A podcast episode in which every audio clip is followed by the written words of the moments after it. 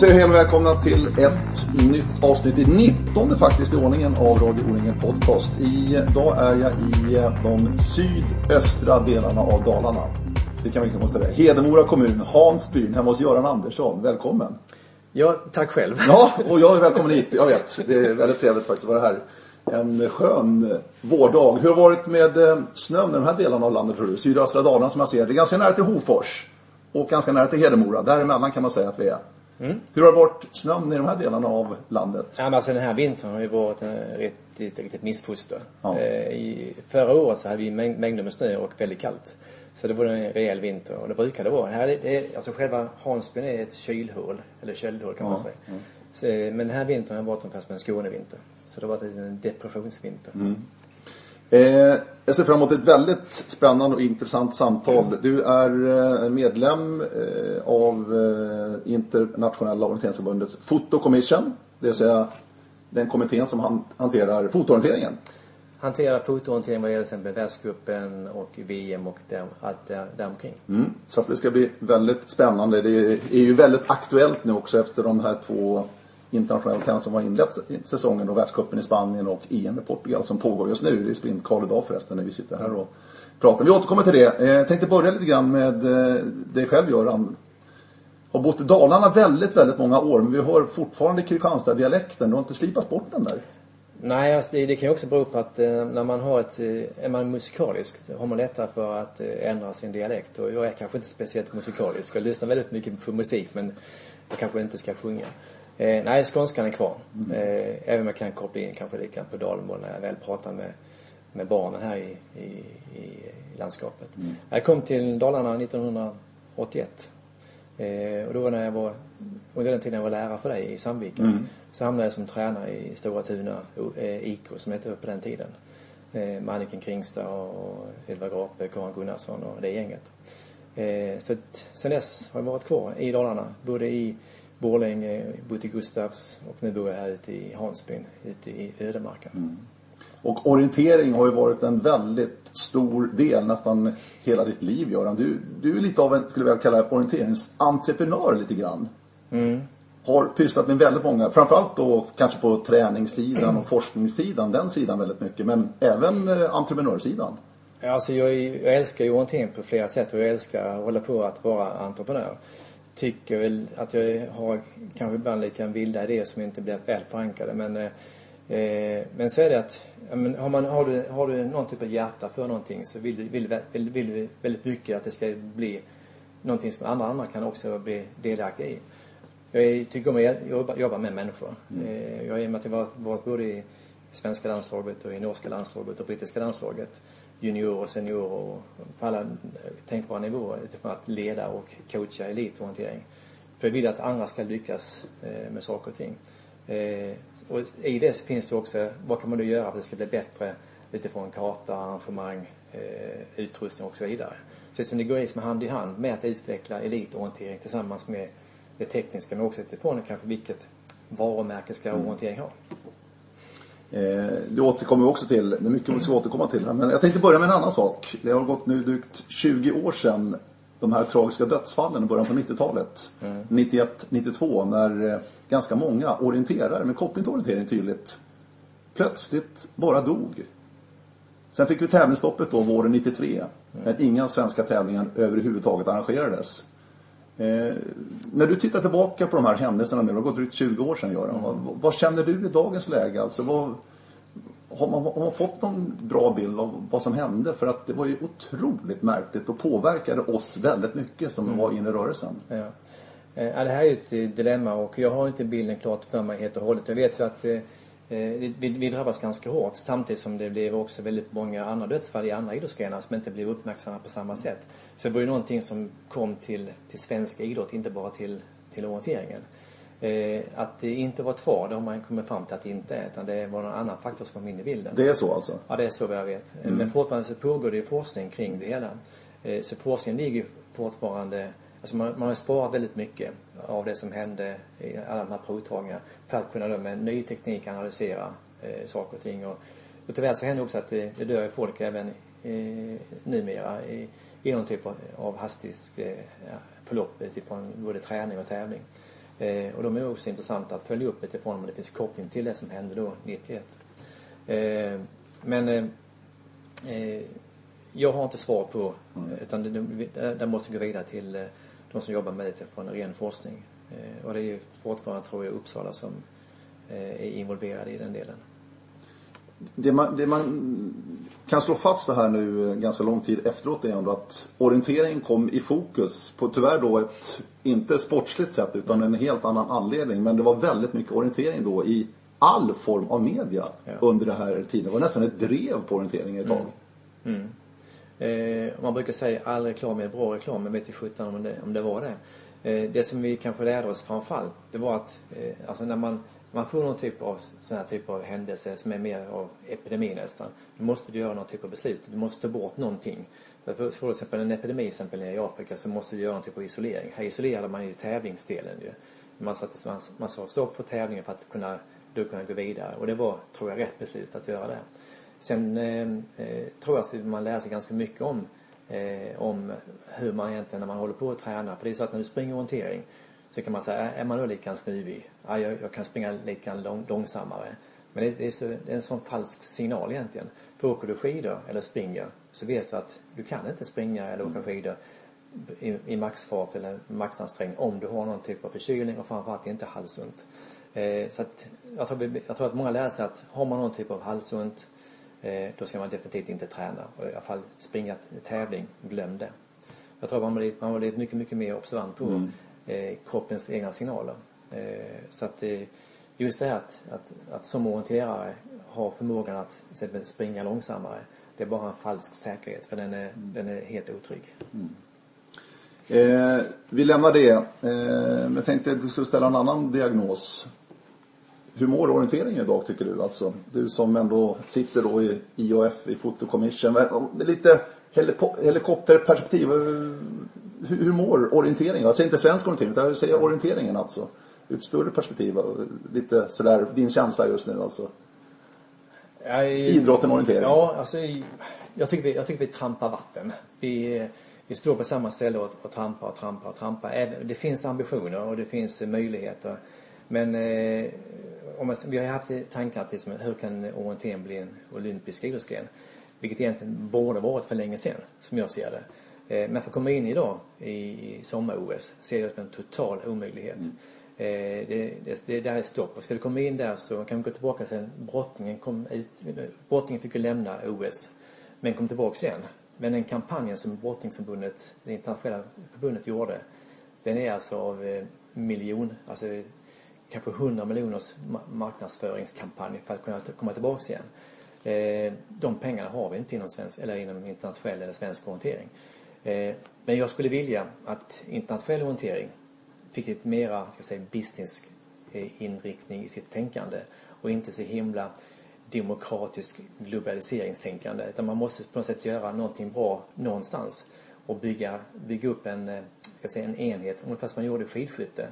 Eh, nu kanske det är svårt att jämföra med tyskarna och fransmännen och så vidare men konceptet bygger på att vi gör ett antal bra World Cup-tävlingar och ett antal bra VM-tävlingar med bra, med, med bra eh, arrangemang och liknande på ett antal platser som blir, ska vi säga, grunden för världsorientering. Sen kan vi bygga vidare till andra länder.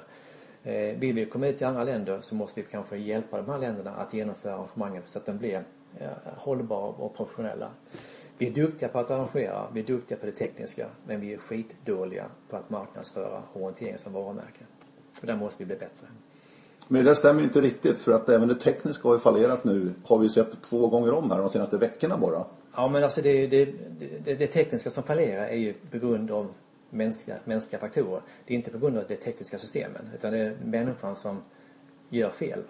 Eh, och det kan vi göra men alltså det gäller att när man, när man har arrangerat en orienteringstävling så måste man veta att varje arrangemang är ett nytt arrangemang, det är nya omständigheter, det är nya saker. Det är hela tiden nytt, nytt, nytt. Eh, så du måste egentligen börja om från början och jobba med kvalitetssäkring.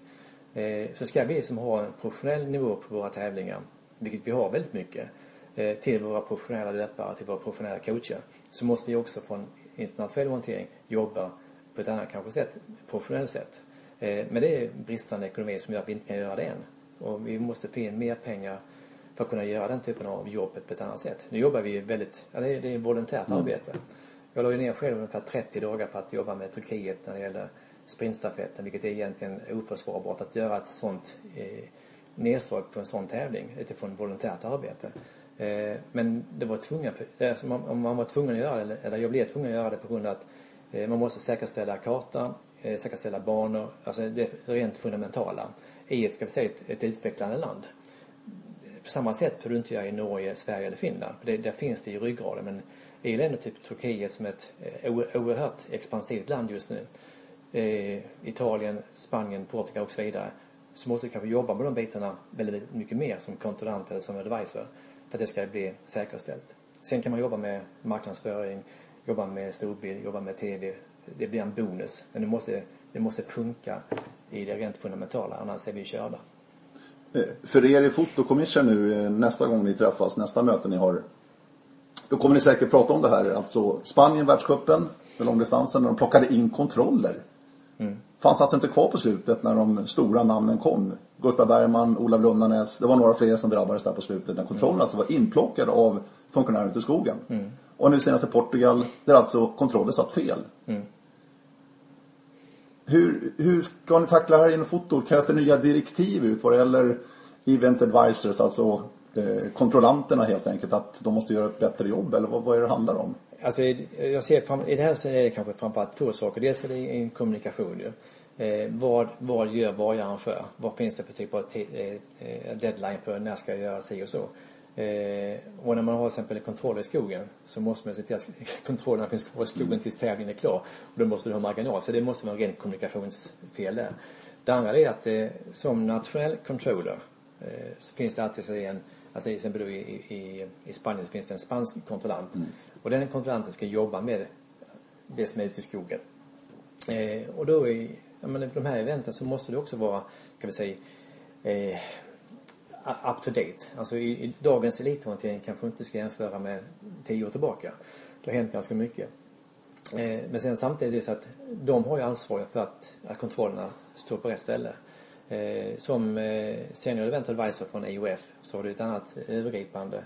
Men det, det jag gjorde framförallt i Turkiet, det visste jag som att här behövs det eh, input till arrangörerna så att de lär sig. Så vi tog på oss, vi tog på oss en Eh, ansvar för att hjälpa dem att bli bättre i sitt eh, sätt att jobba. Eh, för att göra det avtryck i Turkiet. Och vi tror ju att det vi gjorde där nere är att nu vet de hur, hur en karta ska se ut utifrån World Cup-status. De vet hur man ska kunna genomföra en tävling och så vidare. Eh, vad det krävs för olika delar för att, att det ska fungera. Så jag tror liksom att eh, det vi gjorde i Turkiet är värt hur mycket som helst. För turkarna i sig själv, de är engagerade, entusiastiska och har växt upp som en väldigt stor nation egentligen på väldigt kort tid. Eh, och har massor med terräng som är fantastiskt mm. i det här gamla landet. Men jag backar i alla fall till de här eh, fadäserna då. Jag måste jag fastnar där lite grann. För att jag tycker ändå det, det, det är ett rejält misslyckande. En världscuptävling har alltså strukits på grund av att de här kontrollerna plockades in då i eh, eh världscupen i Spanien. Mm. Eh, och nu när det gäller EM här och medeldistansen där alltså kontrollerna satt fel i kvalet. Så får alltså alla springa finalen. Det är liksom man får rucka på reglerna här och annat. Mm. Alltså det kan, det, visst är det en törn ändå för, för idrotten och det här är ju de stora stora arrangemangen ändå. Jo, alltså inom världsorienteringen. Jo, alltså, jag, jag, jag, kan hålla med om att, att det, det här ska inte hända. Så enkelt är det ju. Men det händer. Shit happens. Mm. Eh, lös problemet. Och jag tycker de har, de har löst det på ett bra sätt utifrån omständigheterna. Nu, nu får alla springa ja, ny tävling. Det blir final direkt för allesammans. Eh, men sen samtidigt, hela den processen där. Den är så himla energikrävande för alla parter. Både för, för arrangörerna, och för löparna och alla andra. Va? Så den är, den är onödig. Så att det, det är samma sak där. Alltså kvalitetssäkring det är, en mänsklig faktor. Eh, och vi, vi, vi förlitar oss på människors kunskap och ambitioner att det ska funka. Eh, och eh, ja, men det, all, allting kan ju fallera. Ingenting är hundraprocentigt. Men eh, och därför, därför får man liksom jobba med en typ av backup hela tiden. Att du, du kan, alltså du måste, du gör ett jobb så måste jobbet kontrolleras av någon annan. Du kan, du kan, du kan inte kontrollera dig själv, vilket kanske då händer. Eh, har man har man någon som ser på samma sak från en annan synvinkel, då kan man upptäcka, eh, upptäcka fel. Och när en kontroll står fel, eh, alltså det får, det får inte inträffa. Eh, men det det kan, och det kan ju inträffa om då kontrollanten, jag har ingen aning om vad som hänt där nere, men har man då inte varit på plats eh, ute i skogen och, och jämfört då karta, terräng och så vidare eh, så är det liksom, då, då kan det bli lätt bli fel. Jag har ett, jag har ett eh, minne från eh, Finland. Det var, eh, då skickade man, det var världscupen då som gick ihop med, med Jukkola och då skickade man eh, fel fil till tryckeriet. Man skickade den gamla kartfilen istället för den nya kartfilen. Så när World Cup-löparna sprang på den, eh, på den här kartan så eh, sprang man ut ett, ett vägval till en kontroll. Och det stämde inte kartan och då satt kontrollen fel. Och det drabbades några löpare av. Mm. Men då, då, då var det som bara få löpare som drabbades. Så då godkände man den tävlingen. Men det är samma sak där som att någonstans går det fel i själva kvalitetssäkringen. Och då måste du hela tiden ha någon typ av vem, vem kontrollerar vem? Eh, vem gör själva backupen? Och eh, jag tror att det är likadant där det fallerar. Eh, och jag tror att även som länder i Finland så kan, kan sådana saker inträffa. Och, och det är vår uppgift då som advisor att se till hur kan vi då få kvalitetssäkring på olika saker och ting? Och kartor och banor och sådana saker. Om inte det funkar, ja då kan, det spelar ingen roll hur mycket TV och annat vi har det måste funka till 100%. Och då, då måste man fokusera på den delen så att den verkligen blir okej. Okay. Och ser man till exempel på ett arrangemang som O-ringen som har då återkommande massor med tävlingar så kan man säga att det händer ju egentligen ganska lite med tanke på många kontroller som sitter ute i skogen. Eh, men det är för att det finns ett enormt arbete och en enorm kunskap hur man jobbar fram en kvalitetssäkring. Eh, som sagt, och Spanien och Portugal nu med lite, lite missar. Men ändå har det varit från ena sidan då ni som ändå plockar ut och fastställer ett världscupprogram att ni vill ut till de här länderna som är inte lika rutinerade och erfarna som arrangörer då, som de nordiska. Som exempel. Mm. Med Turkiet och Spanien nu här på världscupprogrammet i år. Mm. Är det en tydlig ambition ifrån eh, IOF att hitta nya marknader, eller vad man ska säga? Nu blir, nu blir jag tudelad. Ja, okej. Okay. För att eh, i, i exempel i Photo Commissions så är vi kanske inte riktigt överens om egentligen vad vi vill där. Men det är så att vi har ju fått ett uppdrag ifrån, ifrån EOF Council. Genomföra detta med den här typen av politiskt budskap. Eh, och då har vi fått, och går vi tillbaka lite grann då när vi till exempel skapade det här med NORT. Eh, som var en, en tanke för att kunna bli ett steg in till att göra eh, orienteringen dels tv-mässig och dels kunna göra den utifrån olympisk status eh, tänkt på som en tävling i, i, i OS. Att, att både sprinten och medeldistansen är egentligen de distanser vi kan få in på ett OS-program ju. Och har man då ambitionen att bli en olympisk gren så måste vi använda de verktygen vi har för att kunna presentera och visa hur vår idrott kan bli en olympisk gren. Därför blir det fokus på sprint och medel för att man skulle kunna jobba fram ett koncept på detta. Eh, både på, på bra och, och kanske dåliga grund, grundval. Men det var ju som ett val. Mm. Har man bestämt sig att man har det som mål att bli olympisk, ja, då får man ju som, ja, ja, göra ett jobb för att komma, komma dit hem. Eh, nu har man ju som en, en ambition också att försöka få in fler distanser. Eh, och jag ser ett problem som vi har idag totalt sett är att vi, vi lägger till och lägger till och lägger till fler och fler tävlingar. Det blir svårare att hitta arrangörer. Det blir dyrare och dyrare med, med det här med tv-sändningar och det ena med det andra. Det blir också dyrare för att få, få dit de aktiva springa. Eh, så att vi måste fokusera på vad är egentligen vad är kompromissen för? Eh, att kunna vara ett starkt varumärke, bygga upp det, men också att eh, få dit löparna så att de kommer till World Cup, till alla, World Cup. Annars har vi ingen World Cup egentligen. Eh, och då kan jag säga att det här året som vi har nu 2014, det är en mishmash i, i World Cup. Jag gillar inte det här programupplägget mm. alls. Det blir någon typ av kompromiss både av det ena och det andra. Men sen samtidigt så att chansen att få arrangera större event Eh, i, ska säga, i mindre länder eller utvecklingsländer är att kunna få till exempel junior-VM eller World Cup och då kan man få eh, massa erfarenhet. Man lägger till exempel kanske inte VM i Spanien med en gång eh, utan man får kanske göra några tävlingar först. Så det är därför är World Cup ett bra sätt att bygga upp en, en kompetens i landet. Men här är också någonting som man får ta beslut på i, alltså internationellt sett. Vad vill vi egentligen med våran idrottsgren?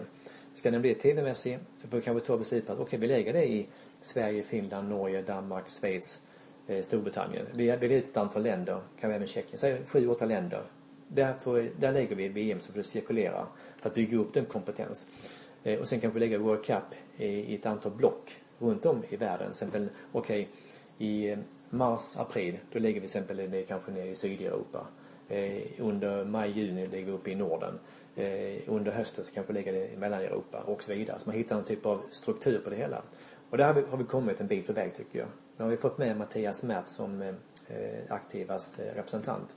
Och vi, helt plötsligt börjar vi bli mer samkörda. Eh, och, eh, och det är så likadant så att en del säger att kan vi få in gamla coacher, jag är själv gammal coach, eh, eller gamla löpare som varit med och, och, och, och eh, hållit på med VM som, som, ska säga, som kund. Eh, då har man mer input ifrån den verkligheten. Eh, så jag tror mer på att vi, har, att vi ska ha mer folk som har jobbat ute i, mm. Eh, i verkligheten för att kunna se vad finns det för utveckling. Men sen måste vi också med de här som ser framåt, alltså 10-15 år framåt i tiden. Vilka aspekter finns där? och där kan kommer det här in att vara entreprenör. Att det är som, vi måste jobba med framtiden och vad är egentligen då bra för vår idrott. så jag tror att, liksom att om, ja, nästa år blir det ett mycket bättre World Cup-program. Det blir mer samlat. 2016 blir det ännu bättre. Eh, och jag tror att, att släppa, alltså även om jag vill att det ska bli olympisk så tror jag att vi måste släppa den tanken. Eh, för den är så, den är så långt borta och, och komma in på sommar-OS idag är för mig en total omöjlighet som jag ser det. Vi kan komma in på skidorienteringsdelen, eh, på vinterdelen. Där är våran chans i så fall. Och då får man kanske göra den typen av, av eh, mot det olympiska. Men det är bättre att vi bygger upp någonting som vi, som vi själv tycker är bra i, i, i orientering med alla våra distanser. Utveckla sprinten, utveckla medel, utveckla lången och olika sätt så vi får fram ett varumärke för varje distans som är gångbart. Och jag tror också på att vi ska se till att vi delar upp VM. Att vi kanske kör skogs-VM och kör ett sprint-VM. För då har vi sprint-VM som vi kan lägga på andra platser runt om i världen. Eh, på Barbados eller i Afrika eller andra länder. Eh, men skogs-VM kan vi inte köra överallt. Eh, Nordländerna har ju återigen väckt den här idén då som de för, förde fram där för ett och ett halvt år sedan. Ja. Eh, om just den modellen med skogs-VM varannat år och ett eh, stads eller park-VM då andra året. Ja, ett, eller sprint. Ja, ett urbant VM. Ett urbant VM ja. kanske man kan kalla det för. Alltså den, den idén har man ju inte släppt utan den fortsätter man att, att driva. Och en anledning är ju att det är svårt att hitta VM-arrangörer nu. Det är ju, det är ju fakta. Ja. Eh, Estland har ju fått det 2017. Lettland finns som intressenter till 2017 läste ert senaste protokoll. Mm. Eh, men det är ju svårt att hitta dem. Och vad beror det på? För det borde vara attraktivt att arrangera ett VM i orientering. En, att det är lite dyrt. Det är en ganska saftig sanktionsavgift alltså som IOF vill ha in för att, bara för att få arrangera. Eh, ja, det är alltså, för mig så är VM idag, det är ett riskprojekt eh, Eh, rent ekonomiskt sett. Jag, jag är glad att, eh, att eh, Strömstad och det gänget i, i Bohuslän har fått uppdraget och ser det som en stor möjlighet. Och kan man sen koppla ihop det med att SOFT kan dra nytta av att vi har ett VM i Strömstad så är det ännu bättre. För ett VM i, i ett land, det är inte bara en, ett arrangemang just då utan det är någonting som, som ska påverka hela landets orienteringsmöjligheter. Och kan man använda det både till rekrytering och liknande så kan vi få fler orienterare till, till sporten. Men problemet är att, att ska du arrangera ett VM idag så, så ska du inte bara arrangera VM. Du måste också arrangera, arrangera publiktävlingar. Du ska arrangera eh, prio eller trailorientering. Du ska arrangera kanske en general assemble, alltså en konferens och så vidare. Så det är mycket som du lägger på arrangören förutom själva VM-programmet. Och en producerad produktion? Ja, och sen kommer det också ja. Mm. Till exempel VM i skidåkning här eh, 2015 i Falun. Ja, då är det bara själva den tävlingen. Det finns inga publikarrangemang som ska genomföras samtidigt. Ja. Så vi, vi, vi är uppbundna på att vi måste få ekonomi på ett VM för att kunna göra, för att kunna få ekonomi på ett VM så måste vi ha ett, ett arrangemang till. Och det låter ju sjukt ju. Eh, VM ska kunna bära sig själv egentligen. Eh, och kan man sen lägga på ett arrangemang utanpå så ska det vara en ren bonus. Men nu är det tvärtom det arrangemanget som man gör med publiktävlingarna är bärande för att kunna genomföra ett VM. Och det, det, det är helt ohållbart. Är det här någonting ni diskuterar inom Fotokommission? Jag för det här framåt. Eh, men jag, jag når kanske inte fram riktigt än. Eh, för det är fortfarande är det för mycket politik och för mycket globaliseringstankar. Eh, man tror som att det, det ordnar sig med arrangörer. Men de, de försöker, alltså de, de största eh, ansökningar, eller de flesta ansökningar vi har idag på arrangemang, det är på World Master och det är på junior-VM. Mm. Därför där är det låg sanction fee eh, och det ger mycket, det är mindre jobb eh, egentligen för ett VM och det ger mer pengar både till arrangören och även, även till EOF. Men det här måste ni vända på ju. Ja, visst måste vi göra det. Så att jag har sagt att det här i sommar på det här årets eh, General Assemble Så eh, gör halt. Sätt ner foten. Eh, för vi är inne i en återvändsgränd, som jag ser det. Vi måste stoppa och välja. Ska vi gå åt vänster eller ska vi gå åt höger eller ska vi göra en kompromiss? Men vi kan liksom inte fortsätta med World Cup varje år, med VM varje år eh, och bygga på, bygga på, bygga på. För det, det är ingen som, eh, ingen som kan eh, genomföra det till 100 procent. För att vi, får inte, vi får inte dit alla löparna, alla lagen till alla de här tävlingarna. Och det ska vi ha. Eh, och vi har, vi har inte, vi har inte, vi har inte länder som står på kö för att ansöka om eh, de här arrangemangen. Där vi får proaktivt söka efter. Och kan vi då bestämma oss för att okej, okay, kör vi till exempel eh, ett VM-program som bygger på följande sätt så kan vi, vi från EOF gå ut och säga att vi vet till exempel Kina arrangerar 2020. Det urbana då till exempel? Ja, till exempel urbana. Eh, Eh, eller gå till exempel till, eh, till Tjeckien. Vi vill att ni arrangerar skogs-VM 2019 eller vad som helst. Eh, för att då kan man bygga upp en, ett koncept som bygger på att vi kan styra eh, våran orienterings eh, uppväxt eller framväxt genom att vi kan få starka varumärken. Nu, alltså det vi gör idag, vi förlitar oss på att det kommer in ansökningar ju. Eh, och sen kan det bli som, kommer en ansökan från Japan, den enda. Ja, men vill vi till Japan just då? Finns det som en del av vår strategi? Nej. Men ändå så blir det VM i Japan till exempel. Och den, den strategin, den saknar jag att den skulle vara mycket, mycket mer eh, gångbar om vi hade liksom bestämt oss att vi vill göra följande saker. Vi vill vara där och där och där. Eh, och det kanske pågår bakom kulisserna, Ing, vet inte. Men mitt budskap är likadant. Sätt ner foten i sommar. Eh, gör en analys, Eh, en konsekvensanalys på vart, vart är på väg med dagens koncept. Om vi gör på ett annat sätt, vad händer då? Så vi ser som att eh, vi kan dels få bättre ekonomi i, internationell orientering, vi kan få fler arrangemang som är som är bra, men de är kanske färre. Eh, och vi får en strategi på att bli mer etablerad som, som tv-sport. Så att vi väver ihop detta. För någonting ni måste också ta hänsyn till, ni som sitter i Photo Commission och IOF och, och plockar ut och lägger program och så vidare. Det är ju den intressanta eh, som finns i orienteringsvärlden är ju väldigt ojämlik vad det gäller ekonomi och resurser ute i de olika länderna. Ja, ja. Radek Novetin skrev ju ett väldigt intressant öppet brev här i höstas, den tjeckiska landslagschefen, där han just påvisar där att vi i Tjeckien har inte en chans att åka till Nya Zeeland till exempel. Vi har inte de pengarna. Nej. Däremot Sverige och Norge och Finland, inga problem. Schweizarna, de kan åka ner nästan varje vecka. Känns det som, om man då hårdrar det lite grann. Ja, men, men, det där är ju också någonting ja. som ni måste ta hänsyn till. För att det är otroligt ojämlikt vad det gäller resurser, ekonomiska resurser. Ja, men där, där har du ju problemet. Okay, vi ska ju, vi, samtidigt är vi en global idrottsgren ju. Vi har medlemsländer i Australien, i Sydamerika, i Asien. Mm. Så att det, alla har ju rätt att vara med och alla har ju rätt att arrangera. Men sen, samtidigt kan man säga, kan man komma överens om att vi gör så här. Det vill säga vi, vi, vi gör kanske på ett annat sätt utifrån World Cup och, och VM-arrangemang. Och lägger kanske det i Europa därför att vi tror att det är den utveckling som gör att vi blir starka som idrottsgren. Och sen kan vi utveckla det här mer i andra delar av världen. Eh, men eh, man har ju på något sätt tagit ett politiskt beslut att vi ska mm. vara globala. Eh, och jag håller med dig. Alltså, i, min, i, i min värld så funkar inte det. Utan det blir alltså en kompromiss och det innebär att typ Tjeckien, de åker inte dit och så vidare. Och, och det här är ju ett dilemma fram och tillbaka för att det, vi har ju ändå medlemmar i, i EOF Cancer som kommer ifrån både från Asien och ifrån eh, Australien ju. Och de vill ju också jobba för sin idrottsgren i sin del av. Ja, men självklart. Ja. självklart. Eh, och eh, de, de ser inte att, att, eh, att Europa ska vara, eh, ska säga, allenarådande. Eh, men här får man ju lika göra klart för vad, vad händer om vi gör på följande sätt. Eh, sen lägger vi orienteringar i Australien eller i Kina eller annars eller utvecklar det orientering globalt eller blir det så att det utarmar orienteringen. Eh, så det, det, är ett delikat dilemma vi har framför oss att lösa på ett, mm. på ett smart sätt. Mm. Men jag tror att vi måste vara mer bestämda och mer proaktiva på vad vi vill.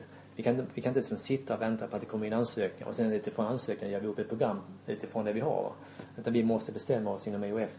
Vad vill vi egentligen med, med då, eh, ska vi säga, beslut i ryggen ifrån General Assemble på vad är själva färdriktningen.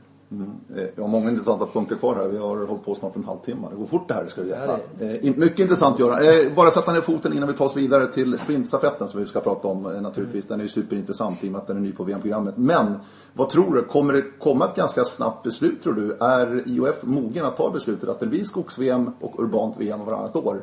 I och med att det nu är andra gången som nordländerna går fram med den här idén. Eh, alltså det, ja, jag, jag önskar att det blir så. För jag, jag, jag tror... När kan beslut tas i så fall tror du? Ja, man kan ta beslut här i sommar om, man, Okej. vill, om man vill. Va? Eh, problemet är om man vill och vågar.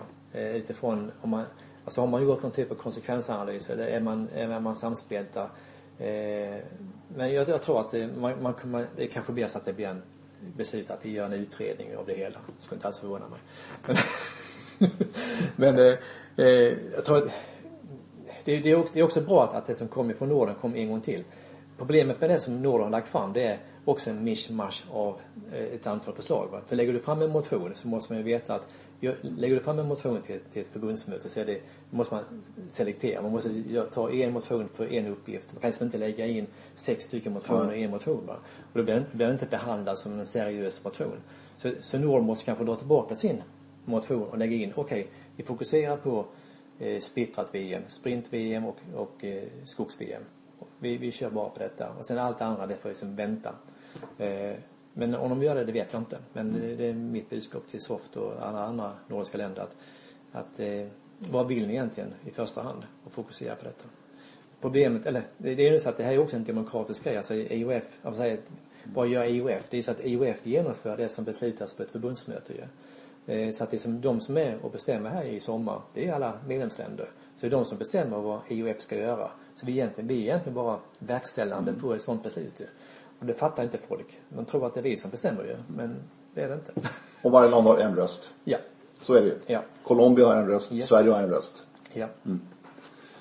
Då så. Men jag, jag, tror, jag tror samtidigt att det- det här med, med splittrat VM, det är numera mer förankrat eh, i många andra länder.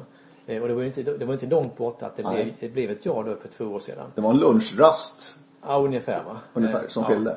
Eh, så att jag tror som att det som kommer hända, eh, om det skulle, ja, alltså, alltså det är fler länder idag som har förstått innebörden av att vi inte har arrangörer som står och väntar på eh, ja, utanför dörren och knackar på dörren när vi kommer in utan vi, vi måste söka upp och det här kan vara ett sätt att få fler arrangörer att bli lockande till att, att arrangera ett VM av mindre karaktär. Och det, det, också, det blir också bättre för varje arrangör för det blir, det blir färre tävlingar att arrangera. Det blir ett mindre koncept. Men det är ändå fortfarande ett ganska stort koncept. Men dagens koncept med alla tävlingar på ett VM som är, som är på VM idag det är som jag säger tidigare, det är ett riskprojekt och det är ett gigantiskt projekt att genomföra.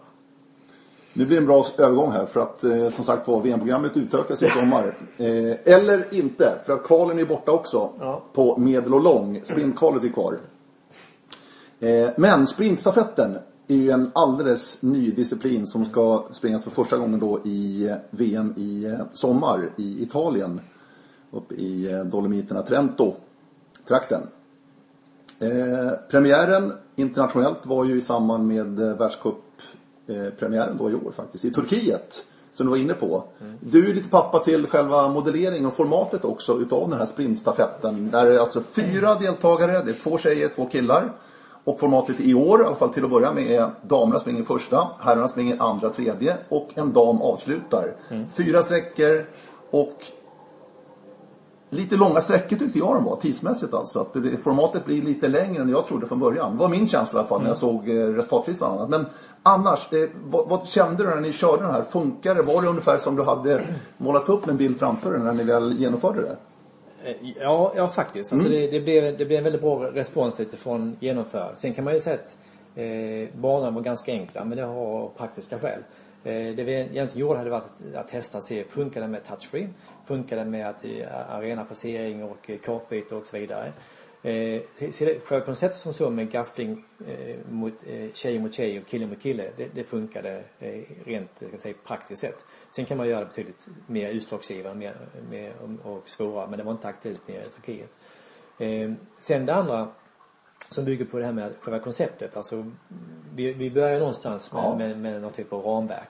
Och då sa vi att vi skulle ha ett eh, segertid på 60 minuter, det vill säga det blir 15 minuter på varje sträcka. Det kan man ju jonglera kanske till antingen bli kortare eller bli, bli längre beroende på om man tittar efter ett speciellt tv-fönster. Eh, Men det får, liksom, det får bli en typ av eh, utveckling, eller ut- utvärdering av själva utvecklingen. Så jag tror att, det som att det vi gjort under de här, för det blir fyra tävlingar i år. Det blir ju Turkiet, sen blir det Finland där också med. Och sen blir det VM i, i, i Trento. Och sen blir det då avslutning i Schweiz i, eh, i jag tror det var i Baden. Eh, de fyra tävlingarna blir på något sätt ett koncept för framtiden. Och då, ska vi liksom sätta ner foten med hur ska vi göra i framtiden med just det här. Eh, så att det vi har gjort här liksom, det är ju att vi håller på ska säga, hugga till eh, formatet. Och då har jag fått uppdraget att, att vara det som eh, pappa till det hela. Och så har jag försökt genomföra det, eller gjort någon typ av skiss på det hela. Mm. Och där är vi idag ju. Och det är, vi, kommer att göra samma typ av genomförande i, i, i, i Finland här i Imatra i juni månad. Men det kommer bli lika kortare banor och betydligt mer eh, intensiv orientering.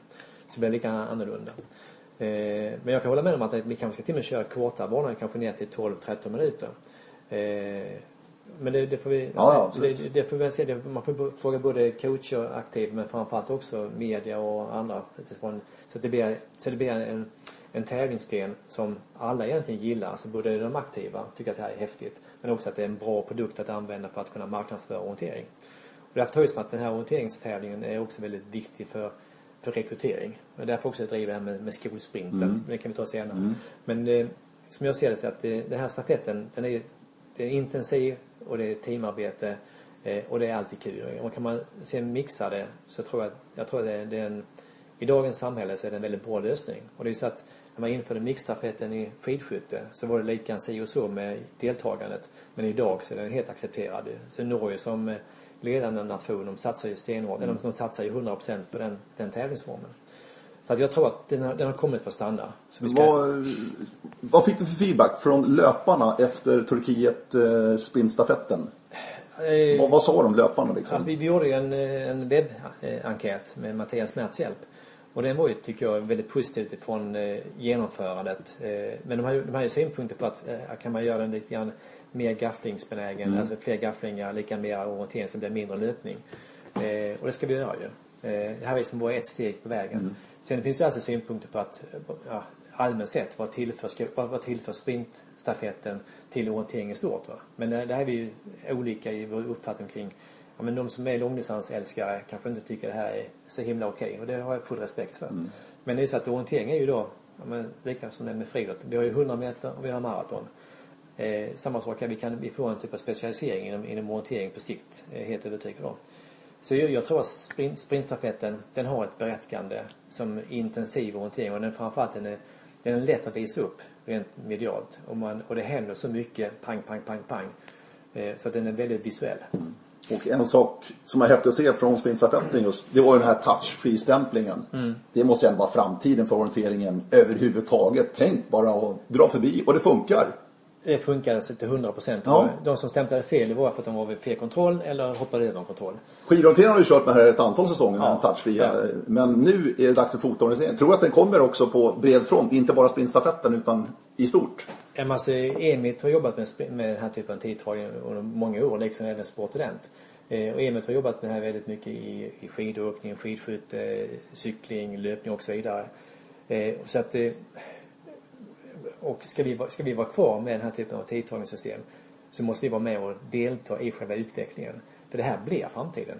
Eh, hur vi än vänder och vrider på saker och ting så, så tror jag inte att Emit och Sportevent kommer med två produkter. En för orientering och en för alla andra idrottsgrenar. Utan det har man inte råd med. Utan vi ska vara med och dela, vara delaktiga i själva mm den här typen av utveckling. För vad man såg från den här EMIT, det var EMIT som användes då nere i Turkiet på ja. världscupen. Ja. Var ju också att den blinkar lite grann den här eh, som hade på armen. Ja, det är så att det... Så lite klockorna som de har. Ja, det är ungefär som en klocka. Du har, du har ett chip på, på ja. armen. Så att när du kommer in och stämplar så måste, så måste du, du måste i princip vara ganska nära för det har ju också med hastigheten. Men, men hur nära är det liksom? Är det, ja, det, det, kan man ställa in va? Det kan man ställa in ja. är det en halv meter typ? Eller ja, 30 centimeter? Alltså det, det, är både avståndet och den farten som du har på ah, handen. Okay, okay. Så att det, den kombinationen gör att, för det går ju signaler fram och tillbaka. Så att du kan ju faktiskt missa och stämpla om du är för snabb med handrörelser.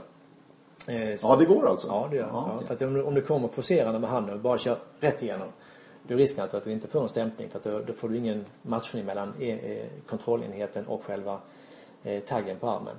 Eh, det som är bra med EMIT är att när du väl stämplar så får du en flash på, på eh, ditt kontrollkort som varar i 10 sekunder. Så att du, du, du, springer fram, stämplar och sen... Du, så du får en bekräftelse helt enkelt? Ja, direkt ja. ja. ja och den varar i 10 sekunder. Eh, och den är intensiv blinkande. Eh, så att som användare så funkar den ungefär som en vanlig stämpling. Det är bara det att du kan, du kan springa igenom kontrollen. Eh, jag, Men du, till VM i Italien, då är det ju Sportident. Ja. Är de lika långt framme vad det gäller den här touchfria? För det, det har ni ju krävt, att det ska vara Ja. touchfri på sprintstafetten. ja, jag, vi har inte krävt det, men, Nej, okej. men, men vi, vi vill att det ska vara så. Vi, Har det inget krav alltså? Nej, vi, vi har skrivit att eh, we have to consider Ja, okej. touch-free. Okej.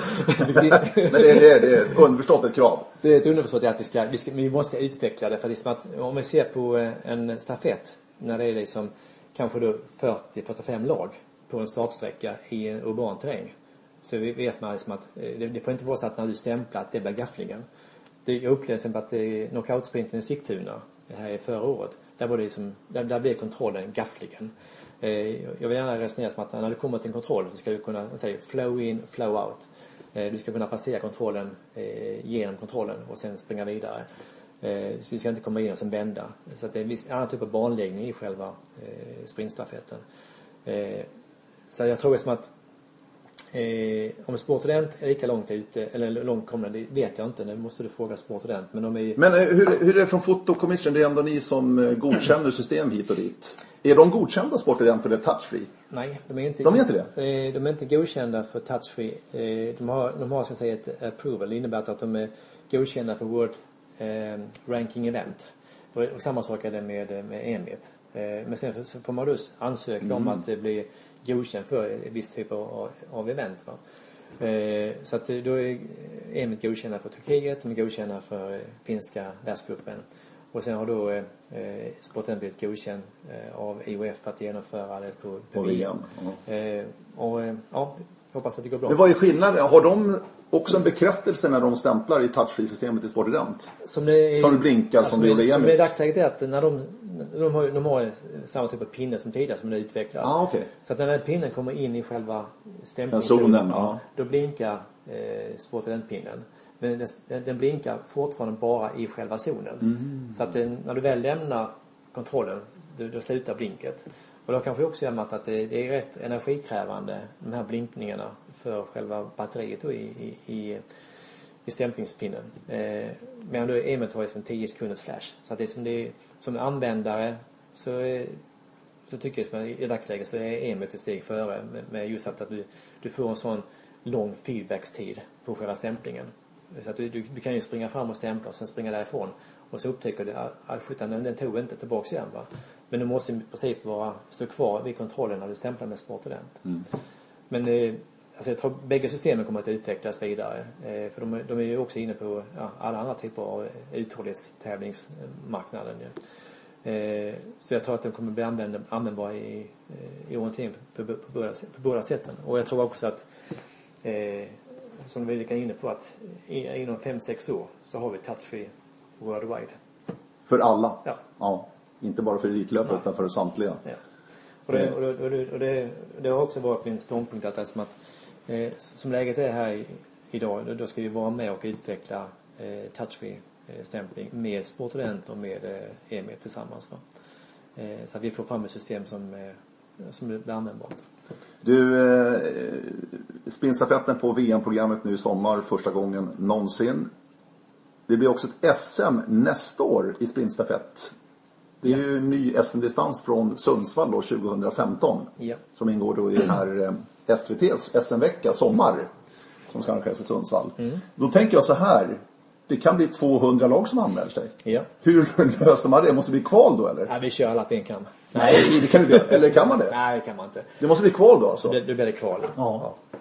Okej. Så, så kan man, då kör man, min, min tanke då är att då, då kör vi helt enkelt kval med eh, till exempel 30 stycken lag i varje hit. Ja. Och de kör samma Men du måste ju sida dem på något sätt för att bli jämna kval hit. Ja. Och ett sätt att sida dem det är att egentligen lägga ihop eh, rankingpoängen. Sprintranking. Ja, Eller? eller, eller vilken rankpoäng man nu har. Ja. Eh, Oj. Det ringer här också. Det är bra att telefonen funkar. Det är lugnt. Eh, men kval på SM alltså kommer bli det sprint. Vi vi ska inte fördjupa oss över det men det, det måste bli ett kval helt Ja, enkelt. det det, måste går inte att köra med Nej. 150 lag Nej, samtidigt. inte en chans. Nej. Nej, inte en chans. Inte ens med touchfree. nej, nej alltså, det, du, du kan köra det i skogen. Men Ja. du kan ju inte göra det i en eh, stadsmiljö eller parkmiljö. Det är någon, alltså vi, om inte du kommer ihåg rullskidor-SM i Halmstad. Ja. Eh, när damen i fråga i rollatorn gick över gatan och det kommer, bara där kommer det kanske 20 åkare. Va? Ja. Men det var ju nära att hon eh, Ja, blev påkörd. Ja. samma sak är det här, att vi, vi måste begränsa ja. antalet lag. Du, jag har, jag har några punkter till här på programmet. Har hållit på i 45 minuter nu. Göran Andersson är ni hört och det är ju superintressant det här. Men ett par grejer till, vi kan inte fördjupa oss i det jättemycket. Men det är ett VM i Sverige. I Strömstad som centralort 2016. Vilket känns jättespännande för oss svenska orienterare med ett SM här, eller ett SM, ett VM här hemma i Sverige. Det har inte varit sedan 2004 då i Västerås. Eh, men där har du också Göran ett, som entreprenör då, ett projekt som ska leda fram till 2016 här för att sprida orienteringen över hela landet. Kan man väl säga.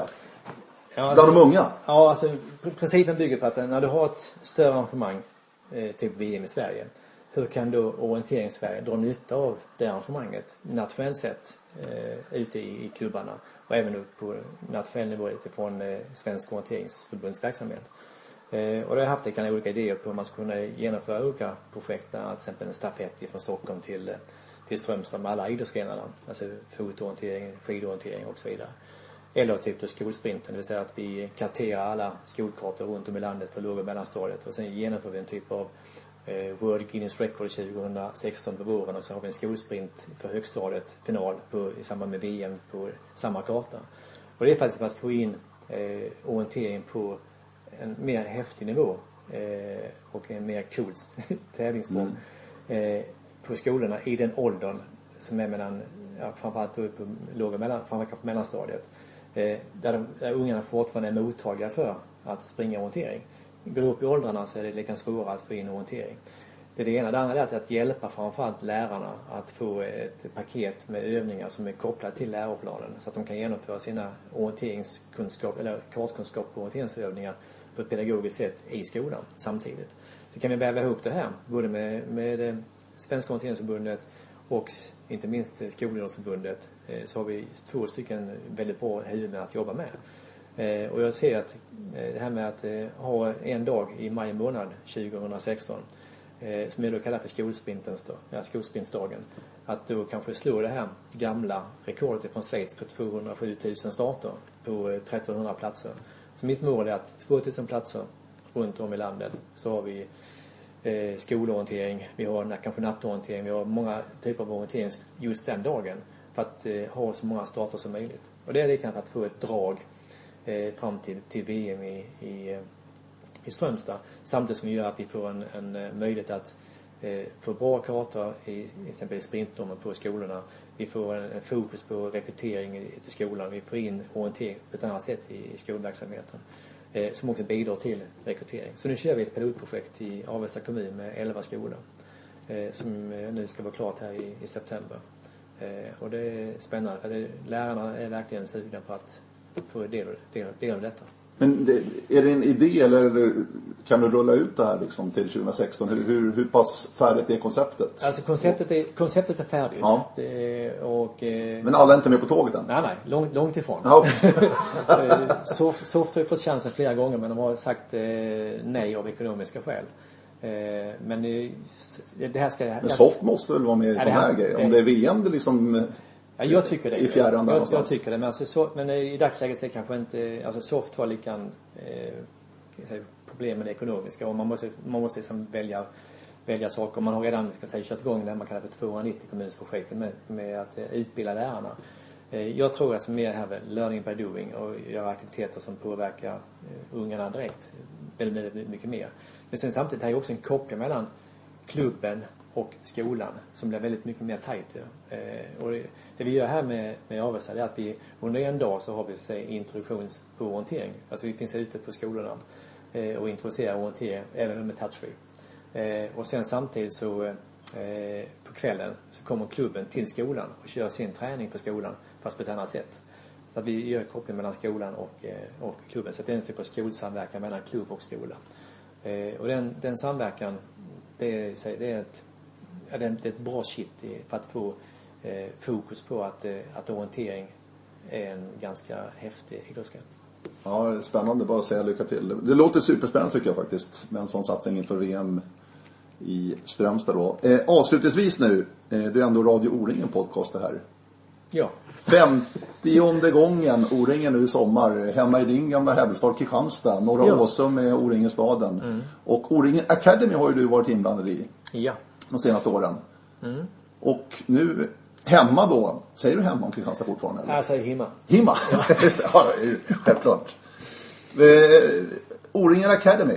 Ja. Är, är, det, är det fortfarande viktigt den här delen av O-ringen, alltså Academy-delen med internationella inslagen, alltså de som vill komma och lära sig både orientera och arrangera och.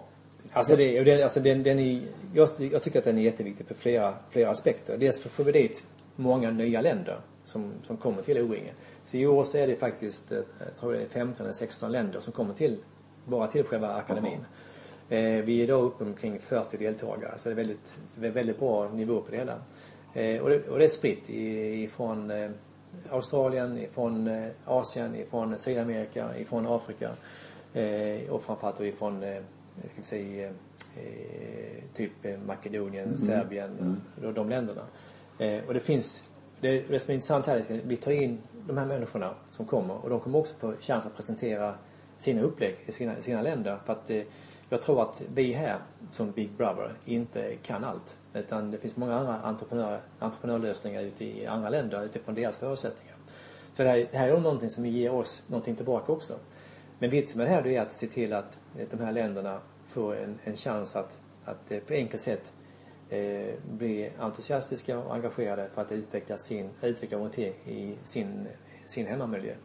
Eh, och det kostar en peng för O-ringen. Det är, det är inte någon, det är ingen vinstgivande eh, process utan eh, vi får ett lite bidrag från IOF. Eh, men vitsen med det här liknande är att se till att eh, sprida orienteringen eh, till länder som verkligen vill. Eh, och det här, är- det här är ett, eh, ja, det, det, det är ett bra tillfälle att eh, få ut orientering. Blir, blir det någonting alldeles speciellt nu i sommar? Jag tänkte på P.O. Bengtsson är ju ändå orienteringsvärldens största missionär. Det är ju utan tvekan så. Fyllde 80 förra året. Han är banläggaren på Friseboda-etappen här i sommar. Och är ju lite pappa. Inte bara lite, han är ju pappa till O-ringen verkligen. Blir det något speciellt nu också även för O-ringen Academy i sommar tror du? Alltså, Med det- tanke på allt det här. Ja, alltså P.O. P.O. är egentligen pappa till allt ju. Ja, jo, precis. Jo, han är pappa till allt. mer, eller mindre. va. Eh, han är ju också min, min lilla orienteringspappa kan man säga. Eh, men Pio han, har- han har ju en fantastisk eh, ska vi säga, en, en, engagemang fortfarande i sin höga ålder. Man tror att han är fortfarande bara 50 eh, Han kommer vara med på den här akademin. Han kommer vara med även som föreläsare och berätta om hela konceptet hur det byggdes upp. Och han är, är så att Pio, han har ju fem friplatser. Så att Pio, Pio får välja ut fem, eh, fem eh, intressanta personer runt om i världen.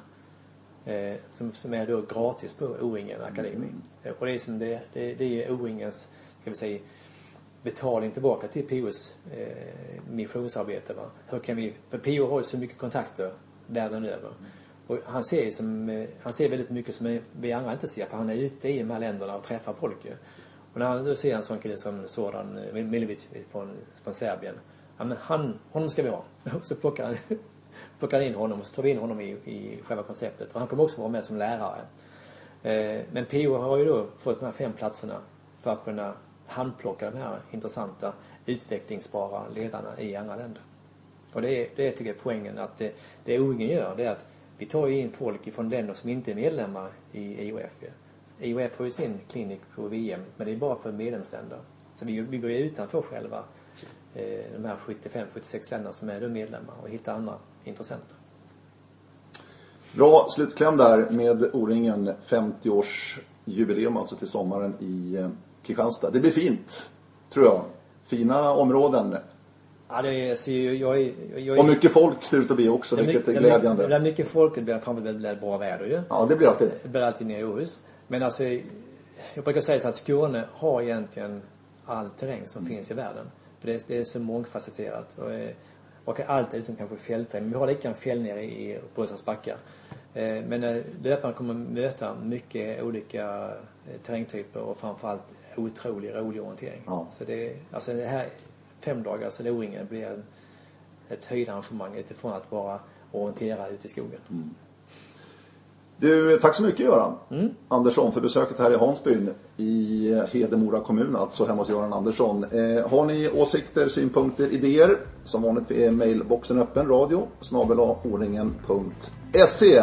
Vi säger tack och bock för den här gången och på återhörande. Nästa gång så tror jag kan bli också ett väldigt spännande möte. Så håll utkik framöver. Men eh, tack för nu. Ha en fortsatt skön dag. Hej då.